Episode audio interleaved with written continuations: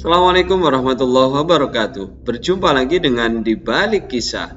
Setiap kisah ada hikmah.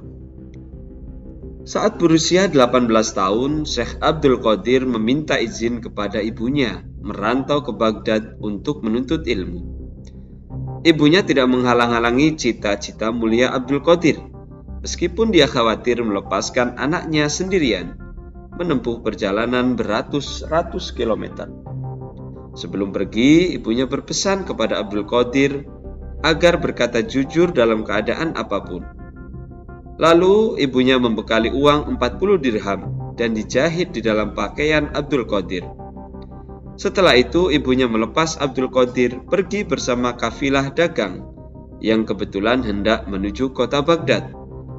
Namun dalam perjalanan mereka dihadang dan diserang oleh 60 orang penyamun.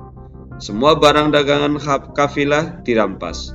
Para penyamun itu sama sekali tidak mengusik Abdul Qadir karena mereka menyangka dia tidak mempunyai apa pun kecuali pakaian yang melekat di tubuhnya.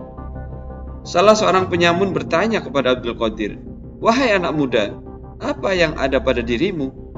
Abdul Qadir menjawab dengan sejujurnya bahwa dia memiliki uang 40 dirham di dalam pakaiannya.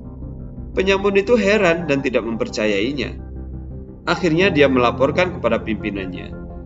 Lalu pakaian Abdul Qadir dipotong dan dirobek isinya. Para penyamun terkejut, mereka mendapati 40 dirham sebagaimana yang dikatakan Abdul Qadir. Pemimpin penyamun itu pun berlang langsung bertanya kepada Abdul Qadir, "Kenapa engkau berkata jujur padahal engkau mengetahui bahwa 40 dirham uangmu itu akan kami rampas?" Aku telah berjanji kepada ibuku bahwa aku tidak akan pernah berkata bohong, walau apa pun yang terjadi. Karena dengan berbohong, orang tidak akan lagi mempercayaiku. Padahal kepergianku ke Baghdad untuk mencari ilmu. Dan tanggung jawab seorang yang il berilmu adalah menyampaikan ilmu kepada orang awam. Aku ingin orang-orang selalu mempercayaiku. Ketika mendengar Abdul Qadir mengatakan alasan kejujurannya, pemimpin penyamun tersadar.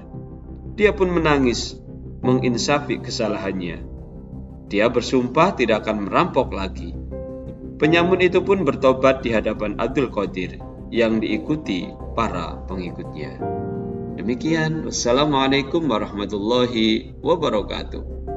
Diambil dari buku 100 Kisah Islami Pilihan